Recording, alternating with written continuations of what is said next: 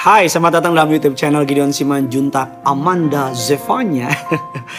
selamat datang dalam YouTube channel ini. Doa kami agar melalui renungan singkat ini, saudara dapat memahami apa maksud tujuan Tuhan menciptakan saudara ke muka bumi ini, dan apa rencananya yang indah, dan bagaimana kita menjalani hari-hari ini bersama dengan Tuhan kita Yesus Kristus. Sama-sama kita tundukkan kepala, kita mau bersatu dalam doa.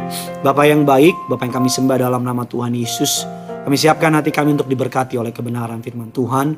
Urapi hambamu, dia bibir perkataannya diurapi dari surga. Setiap kata kalimat yang keluar, biar namamu saja yang dipermuliakan. Pakai hambamu untuk boleh menyampaikan kebenaran firman Tuhan. Beri dia hikmat, beri dia kemampuan. Agar melalui perkataan yang keluar, namamu Tuhan yang ditinggikan. Jemaatmu mengerti, memahami, mereka diberkati, mereka dipersiapkan. Bahkan mereka dituntun untuk menjadi alat kemuliaan bagi namamu Tuhan. Siapa pun menyaksikan renungan singkat ini, setiap mereka diberkati Tuhan, dipersiapkan Tuhan, bahkan setiap mereka dikaruniai segala yang baik dari kerajaan surga. Allah Roh Kudus, Engkau disambut di tengah-tengah kami, berbicaralah atas setiap kami. Sama-sama kita yang siap diberkati, kita katakan, Amin. Sulit memahami. Ini menjadi sebuah tema yang kita ambil pada hari ini, saudara.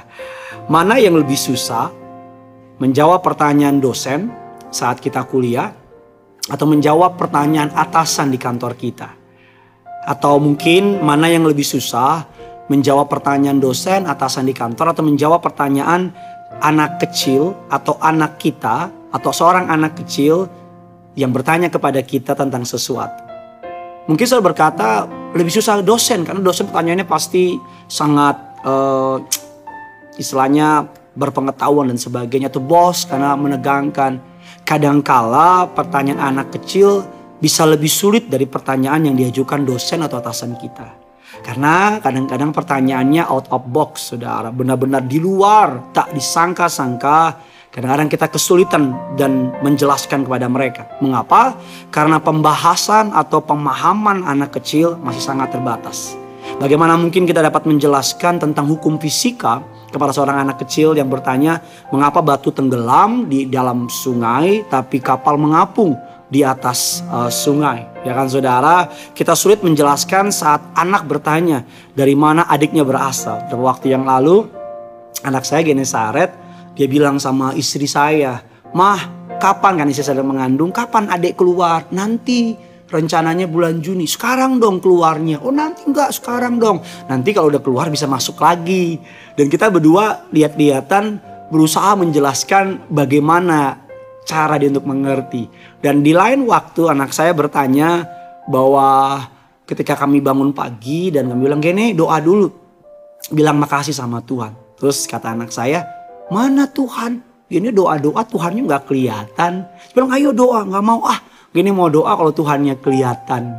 Dan menjelaskan hal tersebut kepada anak saya membutuhkan hikmat dari kerajaan surga. Atau bagaimana ketika ada seorang anak kecil bertanya kepada saudara, mengapa Tuhan membiarkan orang baik menderita sakit parah? Mengapa Tuhan membiarkan orang jahat hidupnya diberkati, tapi kenyataannya orang baik kok hidupnya kelihatannya susah. Kadang-kadang hal tersebut membuat kita mengalami kesulitan sebagai orang dewasa menjelaskan panjang lebar kepada anak-anak tersebut. Bagaimana supaya mereka dapat memahaminya sekali lagi karena pikiran pemahaman mereka belum sampai. Beda dengan menjelaskan kepada dosen atau atasan kita atau sesama orang dewasa. Karena sering kali ketika mereka bertanya mereka sekedar cuma ingin menguji kita. Mereka sebenarnya sudah tahu jawabannya tapi mereka cuma ya mau tanya aja sama kita. Nah dua gambaran tadi memberikan ilustrasi yang muncul di berbagai pertanyaan di kehidupan orang percaya. Mungkin kita sering bertanya kepada Tuhan, mengapa hal ini terjadi kepadaku? Saya sudah berdoa, mengapa Tuhan gak jawab? Saya sudah ke gereja, mengapa Tuhan gak tolong? Kenapa orang yang saya sayangi kok tinggalin saya? Saya sudah doain papa saya, kenapa dia dipanggil Tuhan? Ada banyak pertanyaan-pertanyaan mengapa ini menimpa saya, mengapa ini terjadi kepada saya. Bahkan sering kali pun kita tidak mendengar jawaban dari Tuhan. Bahkan sering kali pikiran kita nggak dapat memahami rencana-rencana Tuhan. Ya kita bilang kita percaya kepada Tuhan, tapi let's be honest. Kadang-kadang kita mempertanyakan mengapa hal ini terjadi, mengapa hal tersebut menimpa saya. Namun ketika kita makin lama mengikuti Tuhan, makin bertumbuh dalam pemahaman, dalam kebenaran firman Tuhan, dalam hubungan sama Tuhan, maka kita akan memiliki sebuah keyakinan yang kuat, bertumbuh dalam hati kita, bahwa sekalipun kita nggak mengerti, tapi kita dapat mempercayai hatinya. Sekalipun kita nggak dapat memahami jalannya, tapi kita dapat menyandarkan pengharapan kita kepada Tuhan. Nabi Yesaya mengatakan bahwa jalan kita bukan jalannya Tuhan. Pemahaman kita bukan pemahaman Tuhan.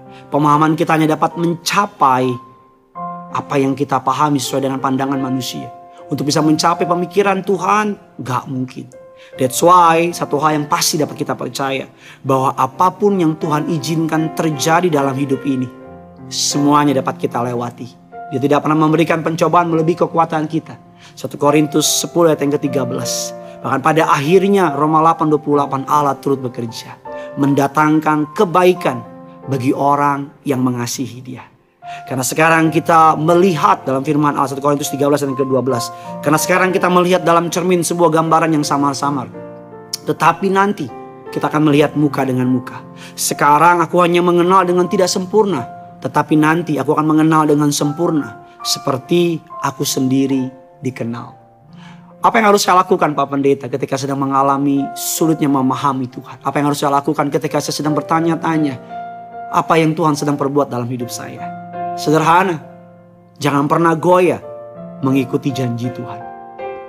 Ikuti prosesnya Tuhan. Habakuk 2 ayat yang keempat mengatakan sesungguhnya orang yang memusungkan dada tidak lurus hatinya. Tetapi orang benar itu akan hidup oleh percayanya.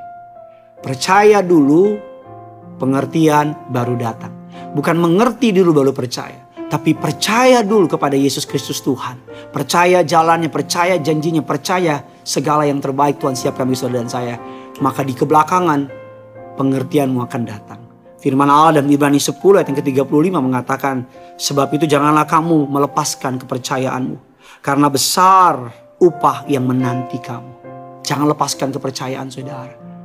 Dia yang berjanji adalah setia. Tidak pernah meninggalkan saudara dan saya. Mengapa kita tidak boleh goyah dalam janji Tuhan dalam hidup kita? Karena kita percaya He is sovereign God. Dia Allah yang berdaulat. Dia tahu apa yang dia perbuat, dia tahu apa yang sedang dia kerjakan. Dia tahu apa yang sedang terjadi. Jadilah kuat, jadilah beriman, jadilah percaya. Sekalipun kau nggak memahami apa maksud rencana Tuhan dalam hidup saudara dan saya. Tetapi saudara dan saya dapat mempercayai hatinya.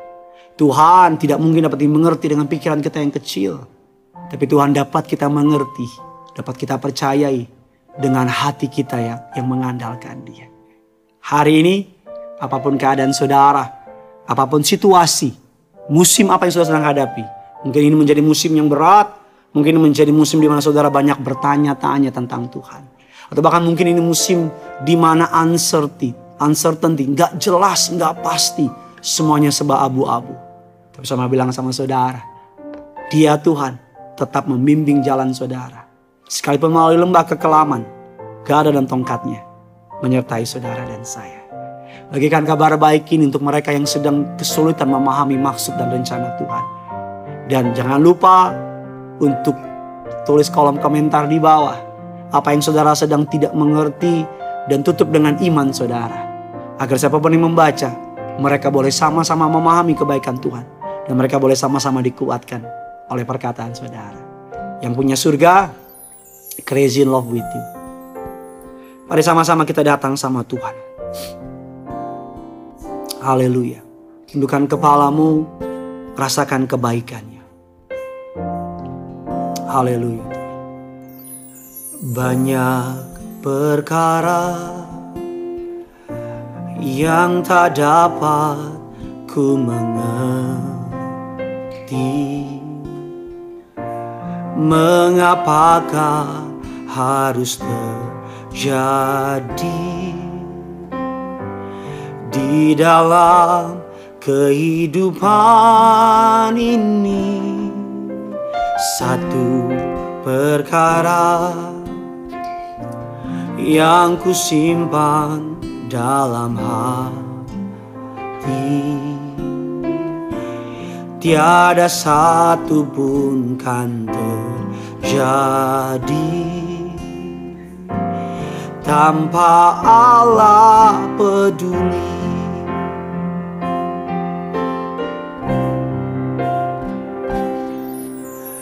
Allah mengerti, Allah peduli segala persoalan yang kita hadapi tak akan pernah dibiarkannya. Ku bergumul sendiri sebab Allah mengerti.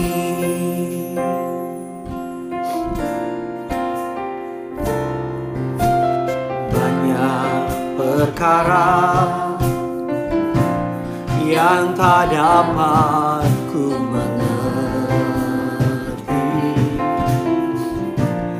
Mengapakah harus terjadi Di dalam kehidupan ini? Satu perkara yang kusimpan Yang kusimpan dalam hati Tiada satupun kan terjadi. Tiada satupun kan terjadi. Dengan bangga tanpa Allah peduli. Tanpa Allah peduli. Mari bawa hatimu bilang sama Tuhan Allah mengerti, Allah peduli. Allah mengerti, Allah Segala persoalan yang kita hadapi Tak akan pernah dibiarkannya. Ku bergumul sendiri Sebab Allah Sambil angkat hatimu, angkat tanganmu Sama-sama kita bilang sama Tuhan Allah mengerti Allah mengerti Allah peduli Segala persoalan yang kita hadapi Tak akan pernah dibiarkannya. Ku bergumul sendiri Sebab Allah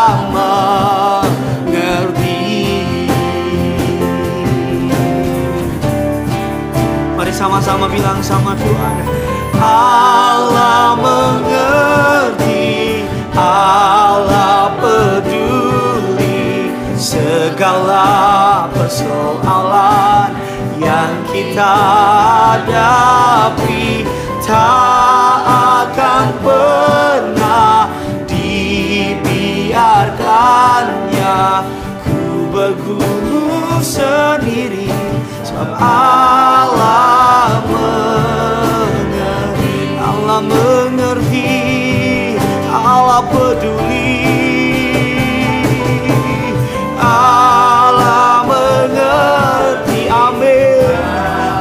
Berjanji dia akan peduli sama saudara. Segala persoalan yang kita hadapi Tak akan pernah Ku bergumul sendiri. Allah Sambil angkat tanganmu dengan lembut sama-sama bilang sama Tuhan Allah mengerti, Allah peduli. Allah mengerti. Segala persoalan Yang hari ini saudara sedang hadapi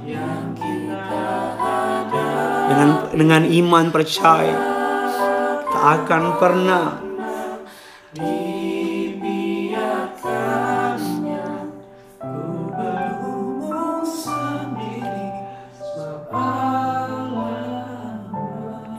lembut lagi. Jadikan lagu ini sebagai doa percaya saudara. Allah mengerti, Allah peduli.